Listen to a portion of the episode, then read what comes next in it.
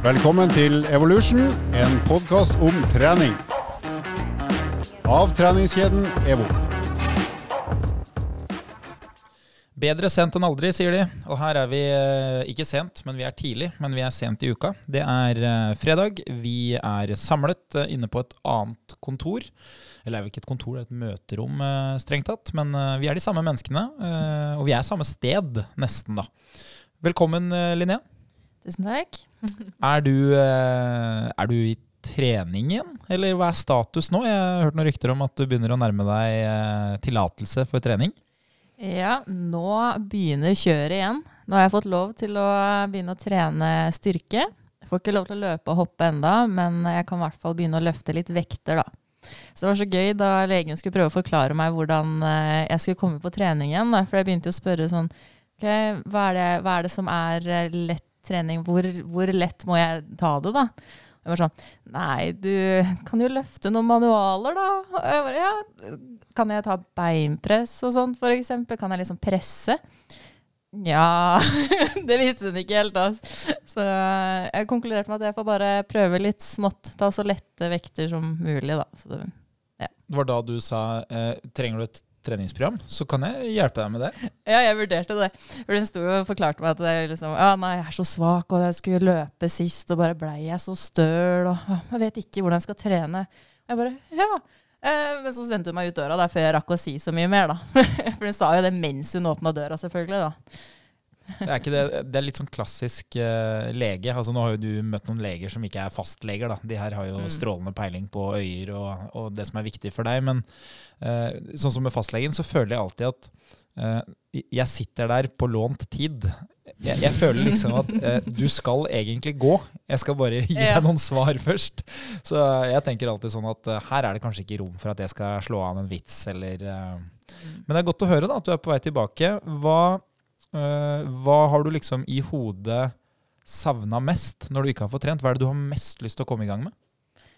Det jeg har mest lyst til å komme i gang med, er um, Akkurat nå så er det egentlig det å gå turer, i, altså gå, gå bakker og gå opp noen topper og sånt. da, Og ikke måtte liksom stoppe midt i fordi jeg må, kan ikke bli andpusten. Nå kan jeg faktisk bli litt andpusten, så da kan jeg bare peise på og gå oppover uten å ta altfor mange pauser. Og så gleder jeg meg veldig, veldig til å bare løfte en manual som veier mer enn ti kilo. Det. Åh, det gledes. Det er jo litt morsomt, for det er jo da man skjønner at man kanskje er litt annerledes enn alle andre. At man har lyst til å gjøre de tingene.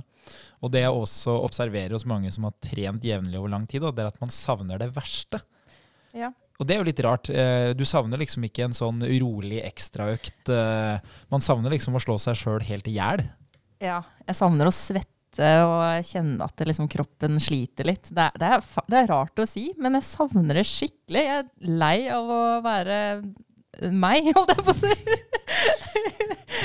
Men det er vel det man eh, kan liksom kalle at det er en, en ekte vane. da, At man, eh, man gjør det på autopilot. Og så pleier jeg å si at liksom, definisjonen på å si at du er eh, frelst, da, det er jo at du har lyst til å gjøre det når du ikke får gjøre det. Ja. Eh, Det er jo veldig mange som trener jevnlig fordi de vet det er bra for kroppen, men som gjør det mest av alt fordi det er bra for kroppen. Og hvis de hadde hatt mulighet til å avstå en måned, så hadde de gjort det hvis det var noe som dukka opp som tvang de ut av det. Mens eh, i ditt tilfelle så høres det ut som at hvis, eh, hvis hverdagen hadde vært helt vanlig, så hadde det jo blitt mange treningsøkter. Ja, det er akkurat det. Det er så, det er så rart å bli liksom slått ut av den Du har trent fire ganger i uka kjempelenge, ikke sant? og så bare brått Nå har det gått elleve uker snart, da, uten noen trening. Jeg har jo nesten ikke svetta, ikke og det er kjemperart, for jeg er så vant til å svette. Og, og presse meg Nei, det Ja. Du får jo muligheten til å lage et godt eh, treningsprogram, da, for nå kan du jo på en måte starte på scratch. Du trenger jo ikke å tenke at eh, ja, men jeg har lyst til å fortsette med det som jeg har fått til i denne øvelsen, eller Så det gir jo rom da, for at eh, du kanskje kan komme i gang inn mot sommeren, og så fra høsten av så kan du liksom kanskje sette deg konkrete målsetninger frem til jul. da. Mm, det er jo det som er eh, planen, da. Så jeg skal ha min første treningsøkt eh, i kveld. Forhåpentligvis, med mindre det blir morgen tidlig, eller begge deler. så tenkte jeg skulle begynne med en rolig fullkroppsøkt, hvor jeg bare går gjennom de øvelsene som jeg savna aller, aller mest. Det kan jo hende at det er smart at du må starte rolig. Ja, det er det jo. Jeg pleier alltid å tenke sånn at jeg, jeg sier det til alle kundene mine at de skal starte rolig. Mm. Og så har jeg jo en evig tendens til å bare klinke til sjøl, da. Ja. Prøve å ta igjen litt det tapte, som jeg ikke anbefaler noen. Gjør som jeg sier, og ikke som jeg gjør. Ja. Det er jo en klassiker. Du er jo med oss i dag, du og Sindre. Hva, hva ville du ha savna mest hvis du eh, hadde blitt stengt ute fra trening i en lang periode? Det har jeg blitt uh, opptil flere ganger. Uh, og jeg kan jo si det at det jeg ofte savner mest, er mestringsfølelsen. Det at, eh, litt sånn som dere går inn på her, da, det jo at man savner de verste øktene. Det har jo også litt med at man tenker jo hver gang man skal gjennomføre de verste øktene. Det her går jo ikke. Og så går, tar det en times tid, og så plutselig står du på andre siden av målstreken, og så tenker du fy faen, jeg fikk det til. Litt sånn som når jeg løp den 10 kilometeren. Jeg var jo veldig usikker på om det skulle gå. Men når du sto og skreik meg inn i mål der, så tenkte jeg at vi bare prøve å legge på alt vi kan. Og når man da ser det sluttresultatet, så er det jo Ja, det er mye svette og tårer og la oss være helt ærlige, det er ganske vondt i perioder. Men den følelsen det skaper, da, og den mestringsfølelsen du går ut med fra en sånn situasjon, de tunge treningsøktene, den tar man jo med seg i hverdagen. Når man da kommer på et, jobb, et jobbmøte som kanskje er litt ubehagelig, litt vanskelig, så vet man jo at ja, men jeg gjorde noe som var enda vanskeligere, og det varte jo en time. Nå skal jeg bare være her en halvtime, eller noe sånt. Jeg tror jo liksom at mye av psykologien i å få den gode opplevelsen, da, eh, som vi egentlig eh, beskriver, det er jo det samme du og nevner, Linnea. Og jeg tror jo den ligger mer i um, oppsettet og rammene enn i hva du faktisk gjør. Eh, og det som er spesielt med trening, da, det er jo at du må fortjene det. Så du kan på en måte ikke møte opp, og så er oppgaven å spille gitar. Og så ja, men det har jeg jo gjort i mange år, det kan jeg jo, det er jeg flink til. Det ga ikke noe mestringsfølelse å bli utfordra på noe som jeg egentlig er kjempegod til. Mens hvis du, som i ditt tilfelle, da, Sindre, møter opp på en 10 km, så vet du at det jeg presterer her nå, det var jeg ikke kapabel til for en eh, stund tilbake. Ja. Så derfor så vil på en måte denne prestasjonen være strengt knytta til at jeg har jobbet eh, litt og litt hver eneste uke for å oppnå det store målet. Også hvis du da har vært god til å sette målsetning, så har du jo kanskje truffet på at det var 50-50. da. Så når du sto på start der, så er det sånn at hvis du nå kunne ha kjøpt prestasjonen i ditt tilfelle, da, 49 minutter og 59 sekunder, så hadde du tatt den Ja. der og da. Glatt. Selv med at det fins en oppside her på at du kan løpe både eh, under 49 og kanskje til og med under 48 hvis det alt klaffer. Absolutt. Og sånn har jeg hatt det mange ganger når jeg har stilt i start, at eh, altså Jeg vet av erfaring at det er veldig, veldig stor sannsynlighet for at jeg er i nærheten av den målsetningen som jeg har satt meg. Jeg har jo trent mye, så jeg vet jo ganske sikkert at liksom Det er her jeg er, da. Men samtidig når jeg står på start, da svinger liksom eh, mine tanker om egen prestasjon kanskje med 15% i hver eh, retning.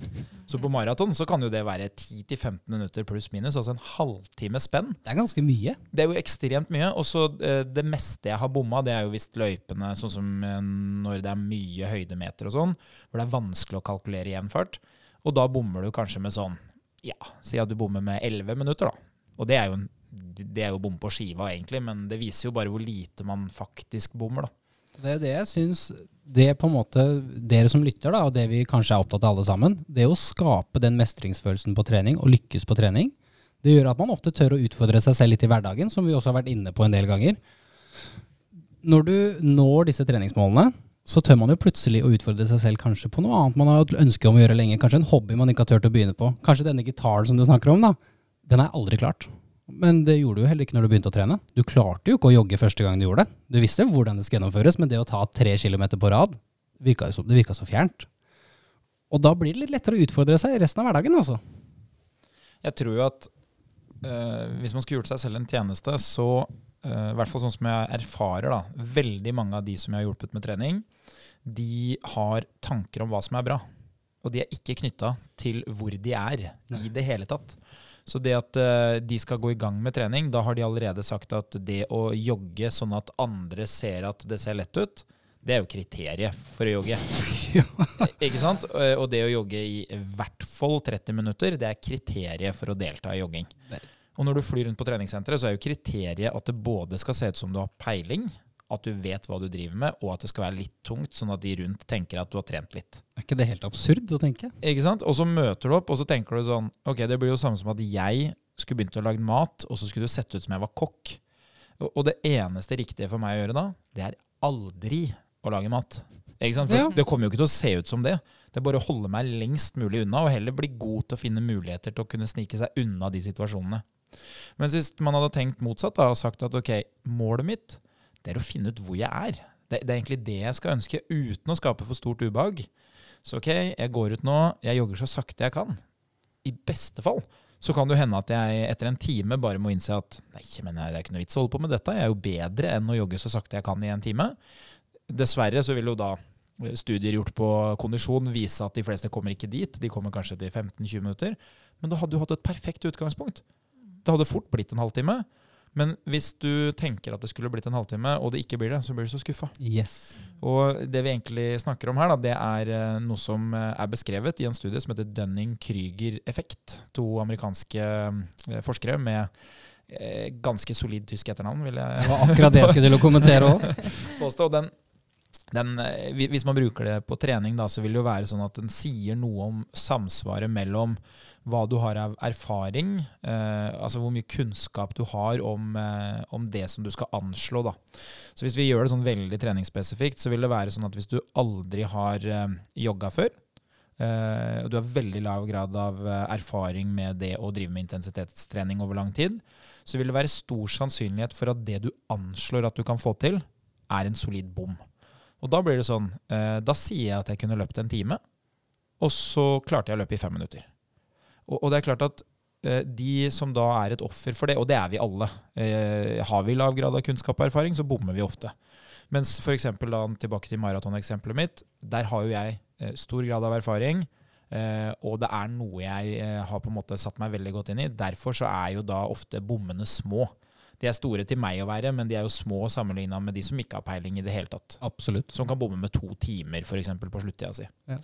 Og eh, når man da er et offer for eh, den effekten, den Dunning-Krüger-effekten, så vil det ofte være sånn at hvis du i tillegg da har ambisjoner og forventninger til deg selv som du har lyst til å innfri, så blir skuffelsen så stor. For det er klart, hvis du tenker at det skal være 60 kg i benkpress, 60 kg i knebøy og løpe en time, og det blei Jeg klarte ikke stanga i noen av styrkeøvelsene, og jogging, det var jo Jeg klarte ikke engang å jogge oppvarminga da kommer du ikke tilbake igjen, ikke sant? Selvfølgelig ikke. Jeg lurer på hvor mange starttimer jeg har hatt med nye medlemmer som har trent veldig mange ganger, eller prøvd å trene veldig mange ganger før. Og dette er historien jeg får høre. Og så går de det samme sporet hver gang, hvor de skal lykkes. De har sett for seg noe. Men det, jo, det de har sett for seg, er jo å være veldig godt trent. Men man starter jo ikke på veldig godt trent.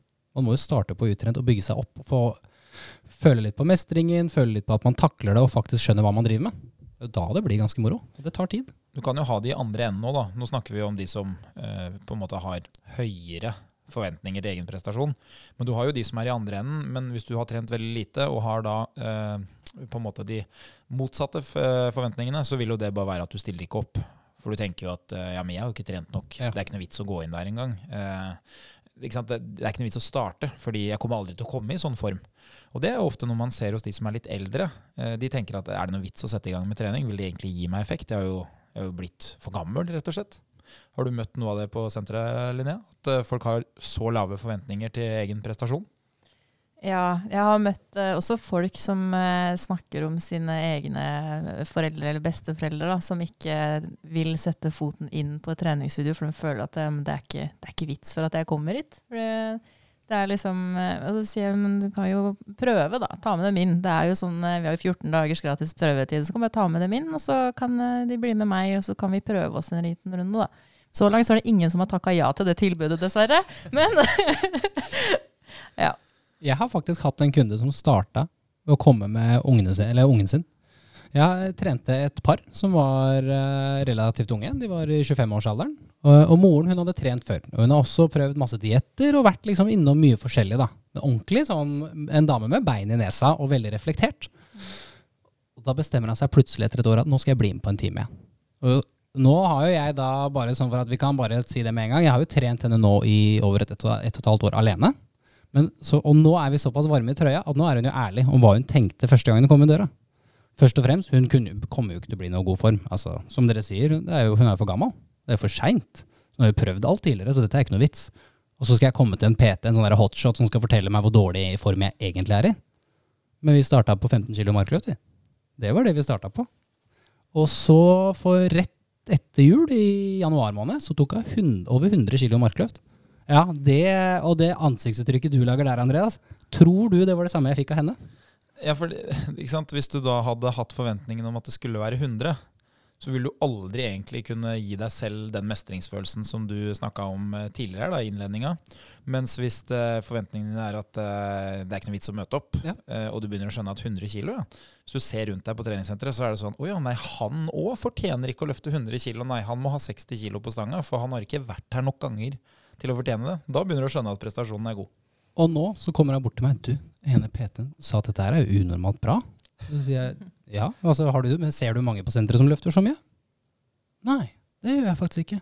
Nei, du er jævla flink. Du står på hele tida. Og nå så får jeg til dette her både på løping, på styrkeøvelser. Nå har vi begynt med knebøy. Klarte 50 kilo i går. Det var jo dritkult. Hallo! Det blei tre repetisjoner på 50. Vi starta kun med smittmaskin, for hun var så stiv. Så hun klarte ikke engang å holde stanga bak på ryggen. Det er, jo, det er jo den farlige smitteeffekten av å mestre noe. Ja. Det er jo, og spesielt hvis du isolerer det eh, til at det er egen prestasjon. Og det er jo fordelen med trening. At det er eh, en arena hvor det er enkelt å isolere da prestasjonen til at det bare er meg. Fordi det er ingen andre som har trent min kropp. Så, så en PT kan jo legge alt til rette for at du gjør det som er riktig. Men eh, det ubehaget du kjenner når du presser deg, det, det vil på en måte ikke kunne fordeles på noen andre. Det var akkurat det jeg sa til henne i går. òg. Så jeg sier det rett ut. Jeg sier at men altså, dette her har du fortjent. Nei, det føler jeg ikke. Så, jo, for ellers hadde du ikke fått det til. Altså, det er fortjent. Det er ikke mulig å bli sterkere om du ikke har jobba hardt for det. Hvem, eh, hvem er det som har best nytte av å sette i gang med treninga, Linnea? Hvis du tenker på kundene dine, er det de som har trent en god del før, og som kommer inn og som eh, kanskje bruker liksom av den, den beste kunnskapen din, eller er det de som kommer inn og som egentlig er i elendig form, og som får struktur og orden og, og litt hjelp på veien? Alle får jo godt nytte av PT, da, uansett eh, utgangspunkt, egentlig. Men eh, jeg syns personlig at det var i hvert fall de som eh, kommer inn og forventer null, og eh, blir overraska på veien, de har litt sånn Det er litt sånn bonus i det, da. At de kjenner på litt ekstra god følelse og får kommet seg ordentlig i gang. og er liksom ikke så lost lenger, og det gjør mye med en. Eh, morsom historie, da. I går så hadde jeg faktisk et resalg på ei dame som eh, Altså, resalg er jo når vi selger på nytt da, til en kunde. Eh, som jeg hadde en starttime med for veldig lenge siden. Ikke så lenge siden, men da jeg starta, typ eh, i fjor høst. Og da hun kom inn, så var hun sånn Jeg eh, har slått meg inn på det tilbudet til EVO nå, hvor det er 49 kroner ut eh, Jeg husker ikke hvilken måned det var. og det er bare da jeg skal trene. Og jeg bare OK. Eh, så sa hun at jeg, har litt sånn vondt i knærne, da, og jeg har slitt med det i ti år typ, og vært borti alt. da, sånn Kiropraktor, fysioterapeut og leger og alt mulig. Jeg har prøvd alt som er. Men ikke trening. Og jeg bare OK. eh, er det noe du har lyst til å prøve å gjøre noe med nå, da? Og så sa hun ja, ja, det er jo derfor jeg er her, da. Men jeg skal ikke ha noe sånn PT-timer eller noe sånt, og det tror jeg ikke jeg trenger. Jeg trenger bare du viser meg noen, noen apparater da, som jeg kan bruke. Dette er noe jeg hører ganske ofte da, i disse PT-timene mine. Så dere PT-er der ute kjenner dere litt igjen i dette her. Eh, Men så klarte jeg å få henne til å prøve noen timer med meg, da, og få ut den tida som hun sa hun skulle være medlem på. Og i løpet av den tida så har hun merka så Altså hun har merka bedring på knærne, og hun har kommet inn i en god rytme, selv om hun starta med å være veldig opptatt og kunne ikke da og kunne ikke da. Alt, skal, ja, alt var veldig sånn ekstra ork, da. Så blei det jo resalg nå, og det er jeg kjempeglad for, for nå har hun liksom kommet seg ordentlig i gang, og når vi skal fortsette denne reisen her, og det er digg.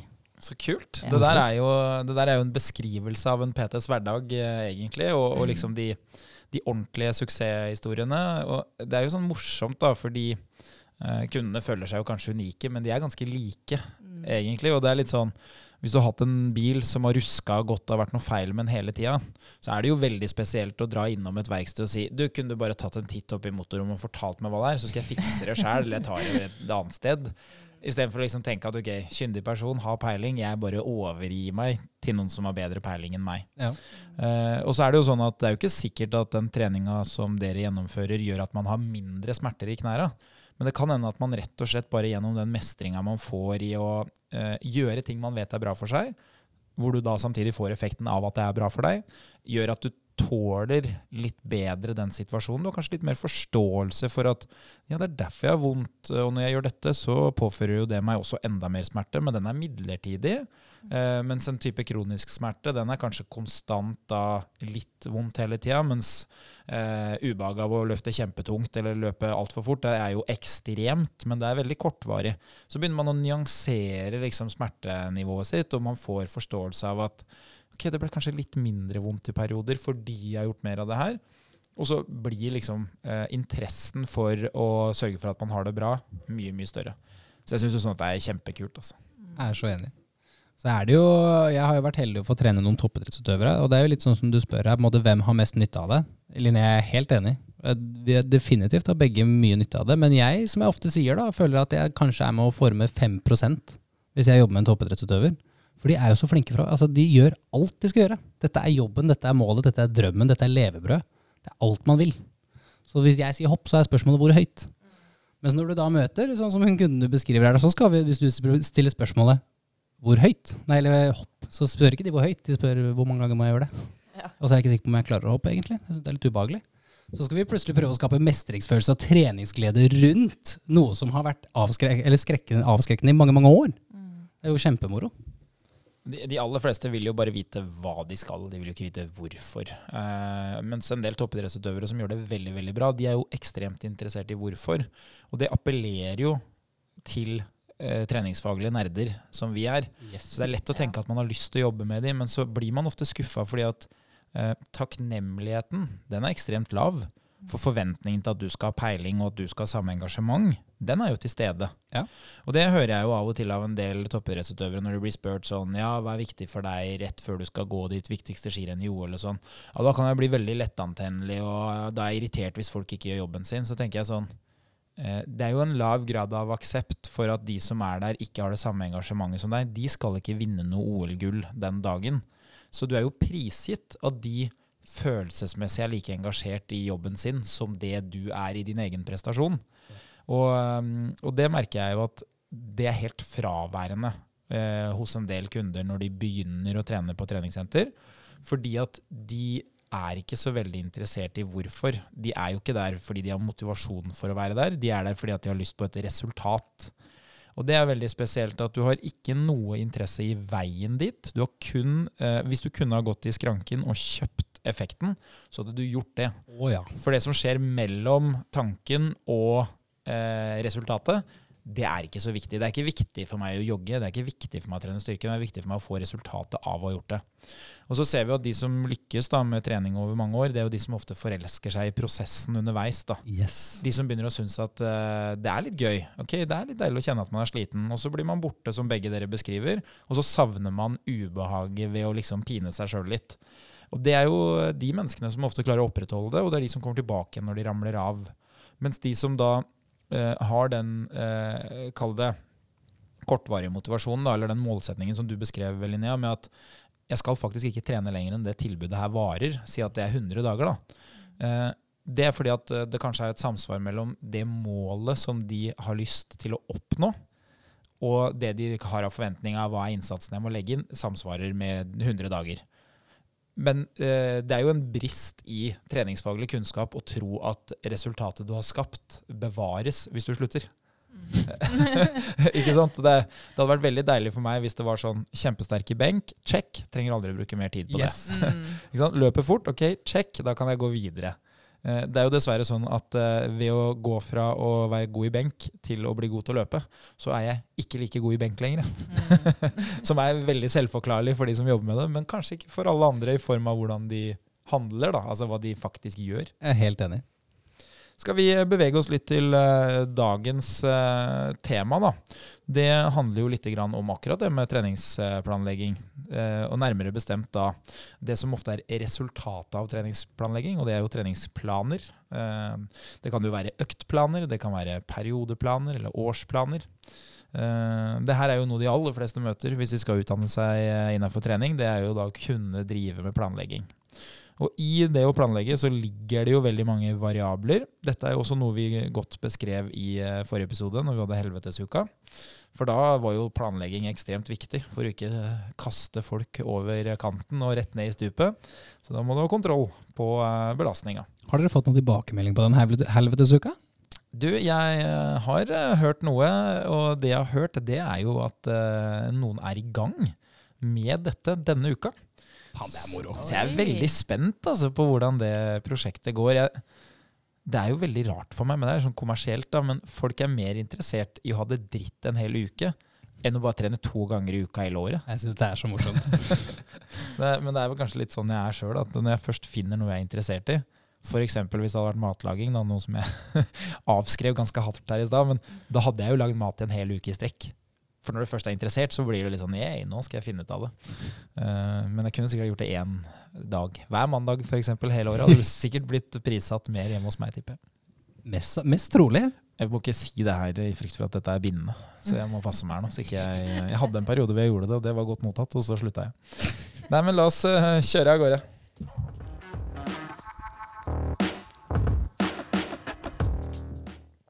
Ok, vi skal gjøre det litt enkelt, eh, og vi skal gjøre det litt eh, vanskelig. Eh, Vi starter med det enkle. Det fins muligheter til å få tak i treningsplaner. Ja. Jeg vil jo kanskje si at det er mulig å dele det i tre, vil jeg tenke. Få høre. Jeg ville tenke én, finne en eksisterende treningsplan. Altså laget av noen andre. Mm, for noen andre. For noen andre, ikke sant? Eh, og så ville jeg tenkt eh, nummer to, eh, det er lage den selv. Mm. Eller få noen til å lage den til meg. Så kan det godt hende det fins noen flere her, men det har jeg ikke, de, de dukker ikke opp. eh, Men jeg ville tenkt at det er liksom de tre hovedmetodene for å tilegne seg en treningsplan. Da. Jeg er ikke uenig. Hva tenker du om det? Jeg er ganske enig, jeg. Det har jo blitt eh, veldig Jeg ser jo det nå at en debatt som har kommet veldig mye i treningsbransjen nå, er jo disse AI-systemene. Nå kan man jo bare søke opp Kan du lage meg et treningsprogram som passer til sånn og sånn. Så er jo litt det vi skal diskutere i dag, da, hvor, altså hvorvidt disse programmene og metodene vi snakker om nå, er effektive eller ueffektive. Så hvor har du lyst til å starte den? Nei, jeg tenker jo hvis vi begynner på øh, den delen som vi er best til, da. Det å lage treningsplaner. Hva, hva er liksom hovedfordelen med at øh, jeg f.eks. kommer til deg da, Linnea, så stiller jeg deg spørsmål liksom Kan du hjelpe meg med dette her? Jeg har lyst til å oppnå dette. Hva er fordelen med at jeg går til deg, uh, sammenlignet med at jeg prøver å tilegne meg kunnskap og lage det selv, eller at jeg kjøper det? Jeg trenger ikke å snakke om eh, nedsiden med de andre, f.eks., men hva, hva er det du kan tilby som gjør at det er en høy grad av verdi eh, å få en PT til å lage treningsprogrammet? Da? Ja, det, det som jeg kan eh, hjelpe deg med da, som PT, er jo å gjøre det personlig. Det er jo noe av det viktigste. Og at eh, vi kan jobbe med det sammen over en periode, sånn at vi kan se liksom hva som funker og hva som ikke funker. Og så kan vi teste litt forskjellig, slik at vi faktisk får det personlig tilpasset til deg. Og vi klarer å finne riktig belastning. Og det er mye sånn eh, treningsfaglig som jeg kan bidra med, som du kanskje ikke helt klarer å finne på egen hånd, eller som er på disse der ferdige programmene, da. Good. Og det vi egentlig ganske kjapt her eh, ser, da, det er jo at det er veldig vanskelig å beskrive hvorfor det er bra, uten å egentlig beskrive manglene i de andre. ikke sant? Ja. Så, men det som er fint, da, det er at du nevner at uh, det man gjør som PT, er jo at man da lager et program som er tilpasset bestillingen. Mm. Ikke sant? Så dette blir jo sånn at du setter deg ned i restauranten, og så sier du åh, det har vært skikkelig godt med. Eh, Så må man ikke bruke min referanseliste, da, for da blir det jo kanskje wienerpølser eller taco eller sånne ting. Ikke baconpølse, altså? Ikke sant? Men så lager jo da kokken det. Ja. Eh, med litt hjelp. Det kan jo hende kokken sier at du er ikke veldig smart å spise wienerpølser hver dag, men eh, jeg tror kanskje at jeg anbefaler deg f.eks. at du spiser eh, fisk. Eh, og hvis du skal spise fisk, som er bra for deg, så vil jeg anbefale dette. For dette er den, den beste fisken i forhold til hva du liker og smak og sånn. Og så er man mest sannsynlig enig i det etter å ha vært med i den prosessen. Hvis vi da ser på de andre, da, så er det jo sånn Vi kan godt starte med det vanskeligste, det som er nesten utopi for veldig mange. Det å lage et treningsprogram selv. Hvor, eh, hvor vil det liksom stoppe, da, Sindre, hvis du Man kan jo bruke seg selv, kanskje. da. Hvis du skulle lagd et treningsprogram til deg selv for 15 år siden.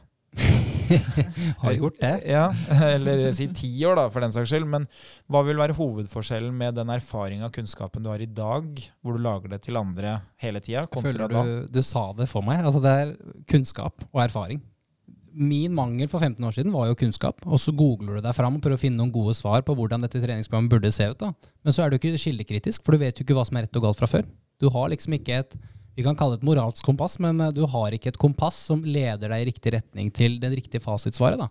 Mens når jeg lager et treningsprogram til en kunde i dag, selv om det ikke er en kompetanse jeg besitter, sånn utrolig godt, så vet jeg hvordan jeg skal finne fram god informasjon som vil kunne bli tilpassa godt til kundens behov. da. Ehm, holdt på å si, det er litt sånn som å sette seg hvis du føler at du skal sette deg inn i et, et kjøretøy du ikke har prøvd før. Så du er flink til å kjøre bil, men du har aldri kjørt båt. Sikkert ikke så himla vanskelig, eller et fly. Høres ikke så vanskelig ut hvis vi kjører denne Kruger-effekten. Men så ender man jo opp med å ikke vite helt hvordan man kanskje skal lande, hvordan man skal lette. Så er det masse utfordringer underveis da, som kommer til å komme. Og det er jo det du løser der, Linnea, med å lage treningsprogram til kunden, er jo at når vi feiler, for det kommer vi mest sannsynlig til å gjøre i starten av et treningsprogram uansett, for vi må jo finne ut hvor lista er hvis du aldri har trent før, så vet du hva du skal tilpasse. Du vet akkurat hvor du skal begynne, og hvordan man kanskje skal tilrettelegge dette riktig vei. Mens Sindre for 15 år siden, han sto på balanseputa han og tok knebøy med stang på ryggen, for det hørtes jo kjempebra ut. Da tråkker han jo ikke over etterpå. Gjør ikke det med noen i dag. Det er et veldig godt poeng du egentlig nevner der med det å fly et fly. Eh, For det er egentlig ganske beskrivende for akkurat hvordan den prosessen funker. Og det er at hvis veldig mange andre gjør noe, så er det stor sannsynlighet for at du tenker at du kan klare det. Så jeg er ganske sikker på at uh, hvis du sier kompleksiteten ved å fly et fly opp mot å kjøre en bil Jeg har aldri flydd et fly, så det her er, dette Nei, nei, er høyst hypotetisk. Men jeg vil anta at hvis man kommer seg gjennom det å få fly i lufta, så er det nok lettere å sørge for at et fly flyr, enn det er for deg å drive og kjøre rundt i Oslo sentrum. 100 Men jeg er ganske sikker på at hvis du hadde stilt spørsmålet til mennesker basert på at de vet antallet som da er eh, piloter, og antallet som er sjåfører, så vil jeg tippe at nesten 100% hadde kjørt bil uten førerkort. Hvis det ikke var krav om førerkort. Men nesten ingen hadde flydd fly. Helt enig. Ikke sant? Fordi at eh, Basert på hvor mange andre som gjør det her, så er det jo stor sannsynlighet for at det er vanskelig å gjøre det ene, for det er det få som gjør, og så er det veldig lett å gjøre det andre. Uh, og det viser jo bare at hvis eh, alle andre hadde lagd egne treningsprogram, så hadde man gjort det selv. Selv om resultatet kanskje egentlig kunne ha vært ganske dårlig. Uh, heldigvis så er jo det ikke en normal greie, men, men det er egentlig det òg. Ja. Uh, det som er normalt, er jo ikke å lage treningsprogrammet, men det er å møte opp uten en plan. Yes. Og det er det mange som gjør. Og da ser man jo effekten av det, og det er jo ofte en dårlig effekt. Ja, og så gjør det ofte treninga det jeg merker. Nå hadde jeg en ny kunde med i går, eh, som var med faktisk på en PT-time med en annen kunde. Hun har aldri prøvd PT før. Hun, jeg var overraska hvor flink hun egentlig var, men så sier hun til meg etter timen Faen, det var morsomt. Det var, det var et system. Altså, jeg har aldri jobba med et system før. Og så sier jeg nei, er det ikke gøy? Altså, jo, jeg kunne bare pushe på og gjøre hva jeg ville. Altså, du sier bare pass på, og så passer jeg på det, og så gjennomfører jeg resten. Det var så godt å komme til dekt bord, for nå føler jeg at jeg virkelig har lagt inn en god innsats. Nå har jeg aldri gått ut med en sånn følelse på trening før. Det er jo ikke jeg som er magisk, men det er at vi setter det i et system som du sier, da. Så hvis vi sier da, hvem, hvem er det det passer for å lage eh, treningsprogram selv? Det stiller jo et krav til kompetanse. Det stiller et krav til erfaring. Og så vil jeg jo påstå at det stiller ganske strenge krav til at du faktisk har noen målsetninger. For det å lage treningsplaner uten målsetninger, det er veldig vanskelig. Sånn løst så kan man beskrive det med å sette seg inn i bilen uten å ha adressen. Da er GPS-en av lav verdi. Ikke sant? Det, er ikke, det er et kart. Det sier bare noe om hvor du er hele tida. Og sånn blir det hvis du drar inn på treningssenteret og trener, så sier det bare noe om formen din i dag. Men det sier veldig lite om hva du skal gjøre videre, for du vet ikke hva du ønsker å oppnå. Eh, Så hvis du skal lage selv, så er det en stor fordel at du vet hva du vil. Og idet du vet hva du vil, så er det jo mulig å begynne å søke kunnskapen som skal til for å bli bedre. Ja. Så du må jo ha en kunnskapsøkning i mange tilfeller. Eller så kan det hende at du faktisk har litt peiling. Si at du har drevet med løping i veldig mange år. eh, Du har aldri lagd noen treningsplaner til andre. Du har aldri jobba som en trener. Men så når du da er eh, si 45 år, så bestemmer du deg for at jeg har lyst til å løpe en eh, 10 km. Da kan det jo hende at du kan lage treningsplan til deg selv. Men hvis du hadde sagt at eh, nei, jeg har lyst til å bli kjempegod i markløft, da kan det hende at du må tilegne deg mye kunnskap. Ja. Så eh, man må jo ha en ydmyk tilnærming når man skal lage egne treningsplaner. Og så er spørsmålet vil effekten bli veldig god. Eh, Jeg tror jo, basert på de som profesjonelt lager treningsprogrammer, at det blir mye prøving-feiling. Jeg tror på en måte det du får ved å velge en profesjonell, det er jo en besparelse i antall dårlige forsøk. Helt enig. Det syns jeg var utrolig bra sagt. Ja, veldig bra sagt. Eh, Jeg begynte å tenke på hvordan det hadde vært hvis eh, altså det, det spørsmålet stilte Sindre i stad, hvordan hadde det vært hvis jeg hadde lagd program til meg sjøl for 10 år siden, 10-15 år siden. Det Hadde vært helt sinnssykt mye mageøvelser. for alt jeg ville da, var å få flatere mage. Og da er det liksom, da er det crunches og alt som er. Så er det sidecrunches, og det er ikke måte på. Det er ikke Ligger over apparater og holder på med masse fancy mageøvelser. Ja, det er akkurat det hadde vært det, og kanskje gående utfall, for jeg sikkert hadde sett en eller annen drive og vandre rundt på senteret og gjøre det. I håp om at det var på magen. Ja. Langkjøring mage. Ja. det er rolig langkjøring med mage i dag. Ja. Mm. Er ikke dum, den. Et par tusen repetisjoner. Ja, nei, det, det er et godt poeng. Um, Jeg tenker jo litt sånn, hvis du drar og spiser på en veldig fin restaurant, så får du jo på en måte det som kokken har kommet frem til at er en veldig god løsning. Mm. Du slipper jo prosessen med eh, hva skal vi lage. Tenk deg å få lov å smake på alle de rettene. Det kan jo godt hende at det er mye bedre enn det jeg driver med på kjøkkenet uansett. da. Ja. Så det er litt sånn feil å si det. Men, men jeg tipper at differansen mellom det du får når kokken har kommet frem til hva som er beste løsning, og hva som er verste løsning, den differansen tipper jeg er stor. Yes. Ja. Eh, Så selv om den dårligste løsningen fra kokken fortsatt hadde vært tusen ganger bedre enn det jeg leverer, så er det jo et poeng her, liksom. Eh, Så det handler jo om å lage selv. Det stiller jo strenge krav, og det ser vi jo i hvert fall erfaringsmessig at veldig få egentlig evner. da. Ja. Eh, Og det skyldes jo bare at man har jo, man har jo ikke peiling på det. Og det er jo, det er derfor jeg ikke fikser bilen sjøl eller fikser tennene mine sjøl. Jeg har jo ikke peiling på hva som skal til. Og det, jeg begynner ikke å sette meg inn i det engang, fordi eh, bare det å stille til start krever jo mye kunnskap. Da er det lettere å bare få noen som har peiling til å gjøre det. Og så er du sikrere, som du sier da, Sindre. Men det er jo noe Jeg tenker mye på det sjøl òg, for det er veldig mange medlemmer og kunder jeg møter som sier det at nei, men eh, jeg burde jo klart det. Og så bruker jeg eksemplene du sier nå, ja, men jeg burde kanskje klart å fikse tennene mine sjøl òg. Men jeg gjør jo ikke det. Nei, selvfølgelig gjør du ikke det. Nei, Så hvorfor i all verden må du kunne det her, da? Hvorfor må det være du som skal være best til å lage treningsprogram? Jeg sliter med å lage mine egne treningsprogram sjøl, for det blir alltid for tungt. Sindre er jo PT, han klarer jo det her. Så selv jeg som har god fagkompetanse, ønsker å få en second hand opinion. Spesielt sånn som når vi løp. Da stilte jeg deg sikkert spørsmål hver dag. Og jeg bruker jo de svarene ennå.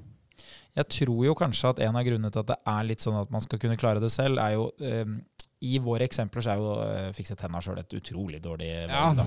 Sett opp en pære. Ja, fordi det som er, sant, er at det å fikse tennene sine sjøl, det stiller jo et enormt krav til kostnad, for du må jo ha tilgjengelig utstyr. Ja. Men hvis vi sier det samme om f.eks.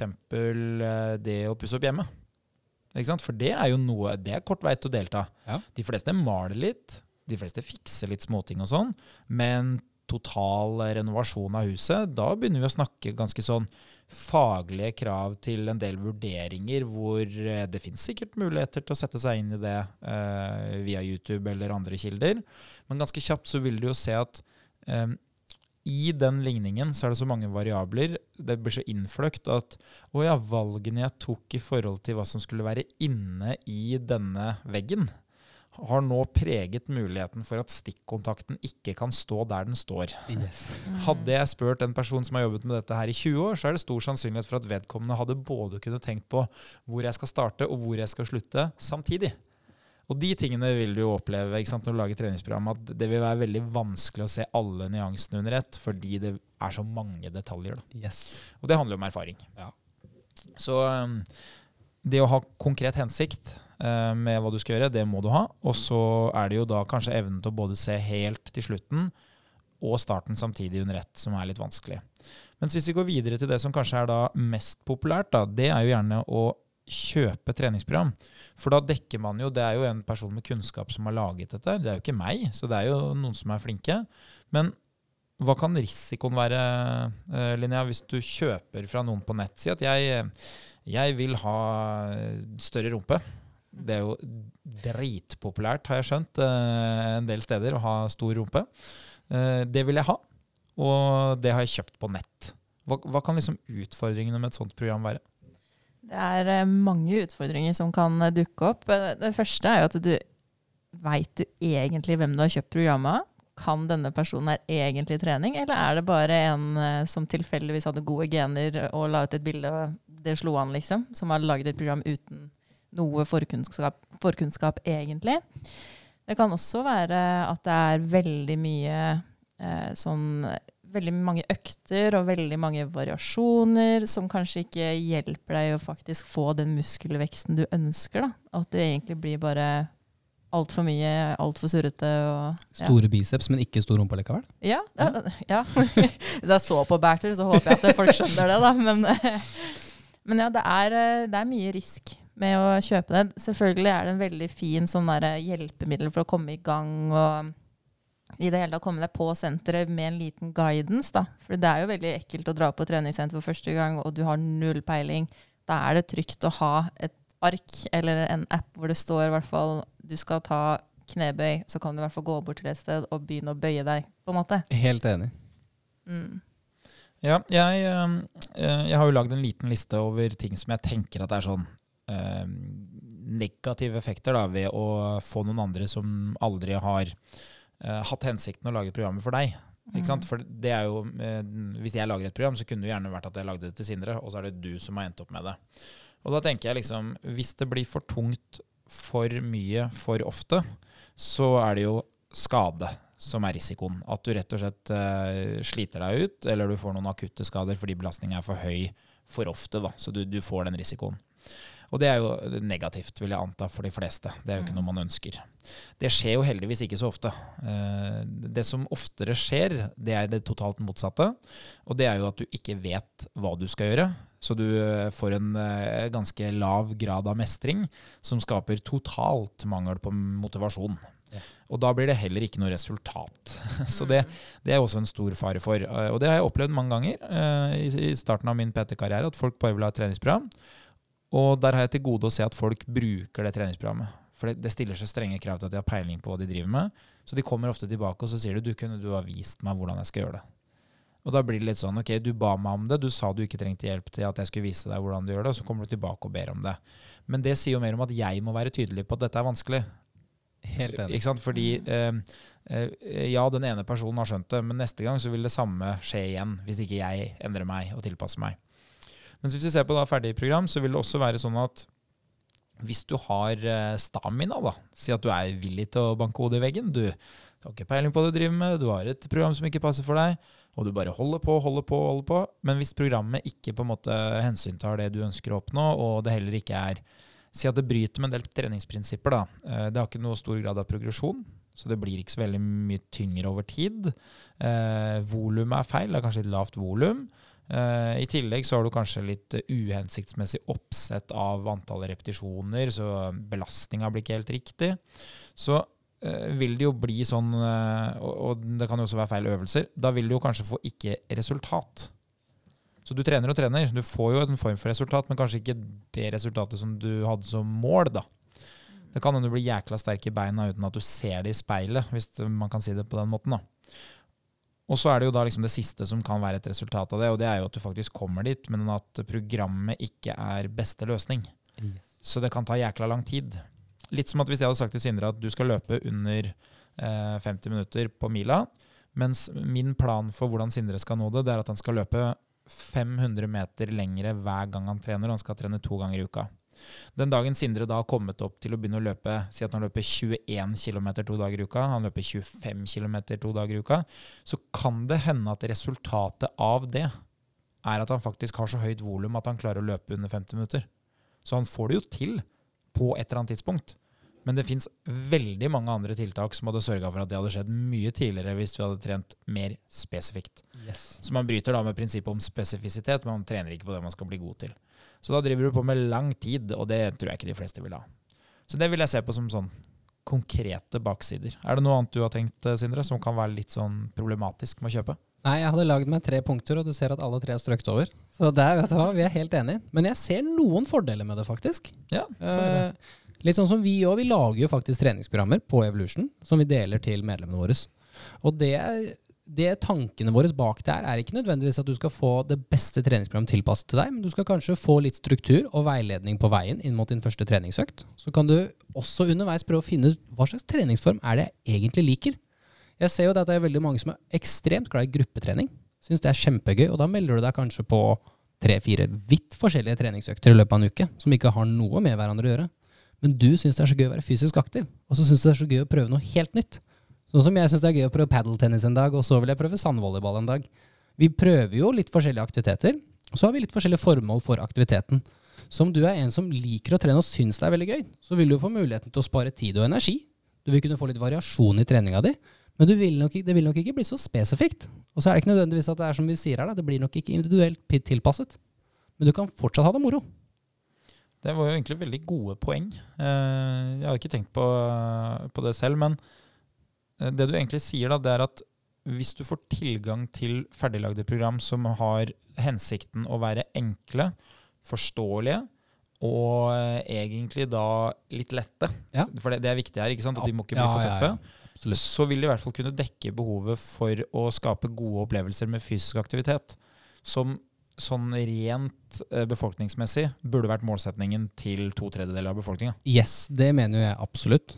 Og så er det jo dette med variasjon. Jeg prøvde faktisk i fjor, og jeg kjøpte et treningsprogram på nett som var ferdig, av en eh, amerikansk eh, trener som jobber mye med basketballspillere.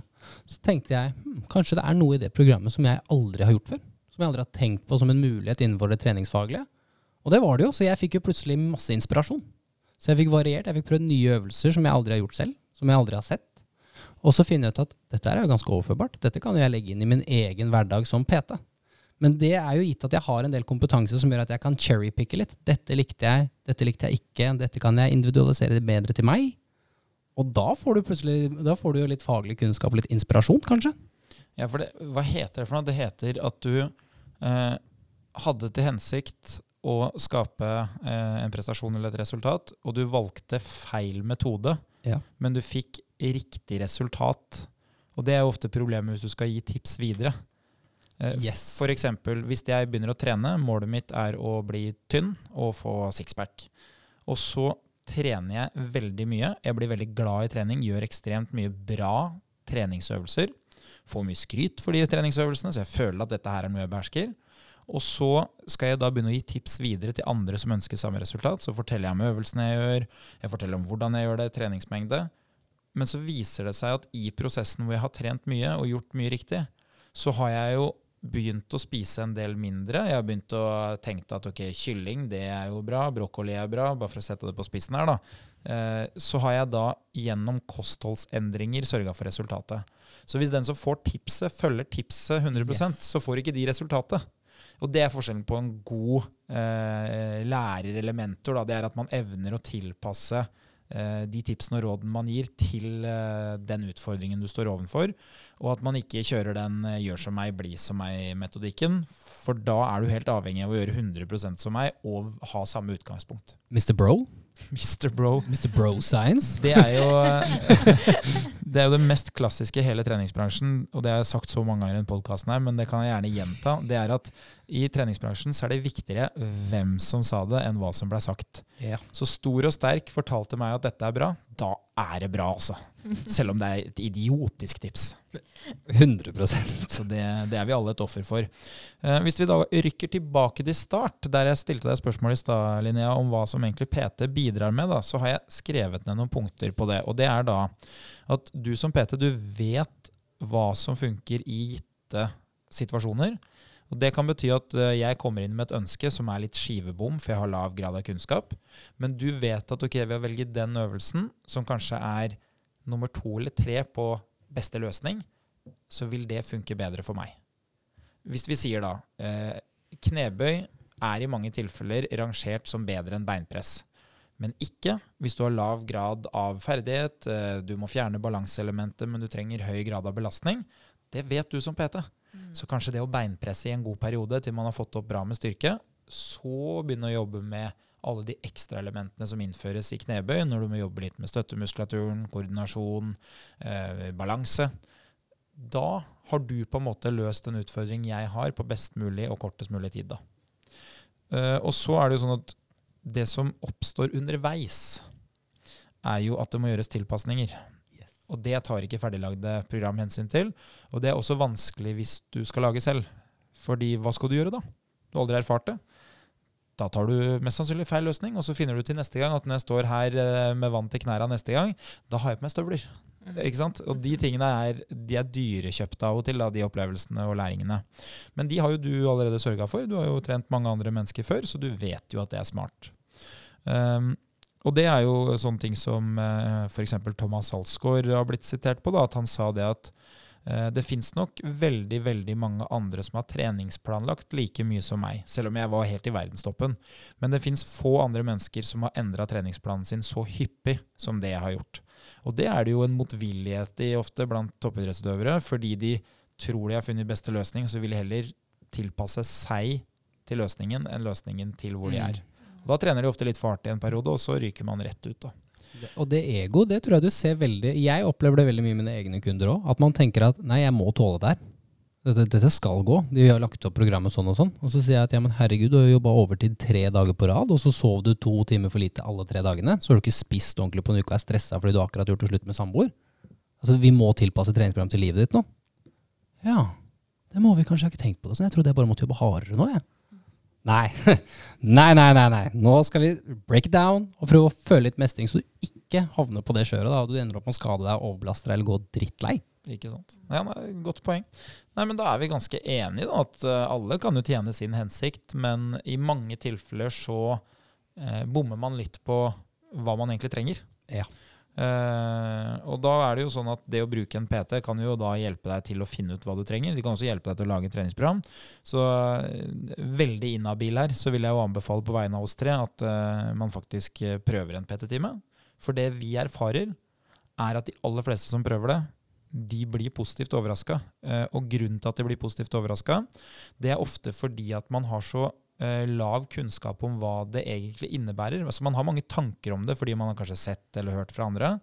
Og så bruker man det til å bedømme hva man tror man får. Yes. Og så kommer man på forestillinga, eh, og så blir man litt sånn bergtatt av at oi, dette var jo mye bedre enn jeg trodde.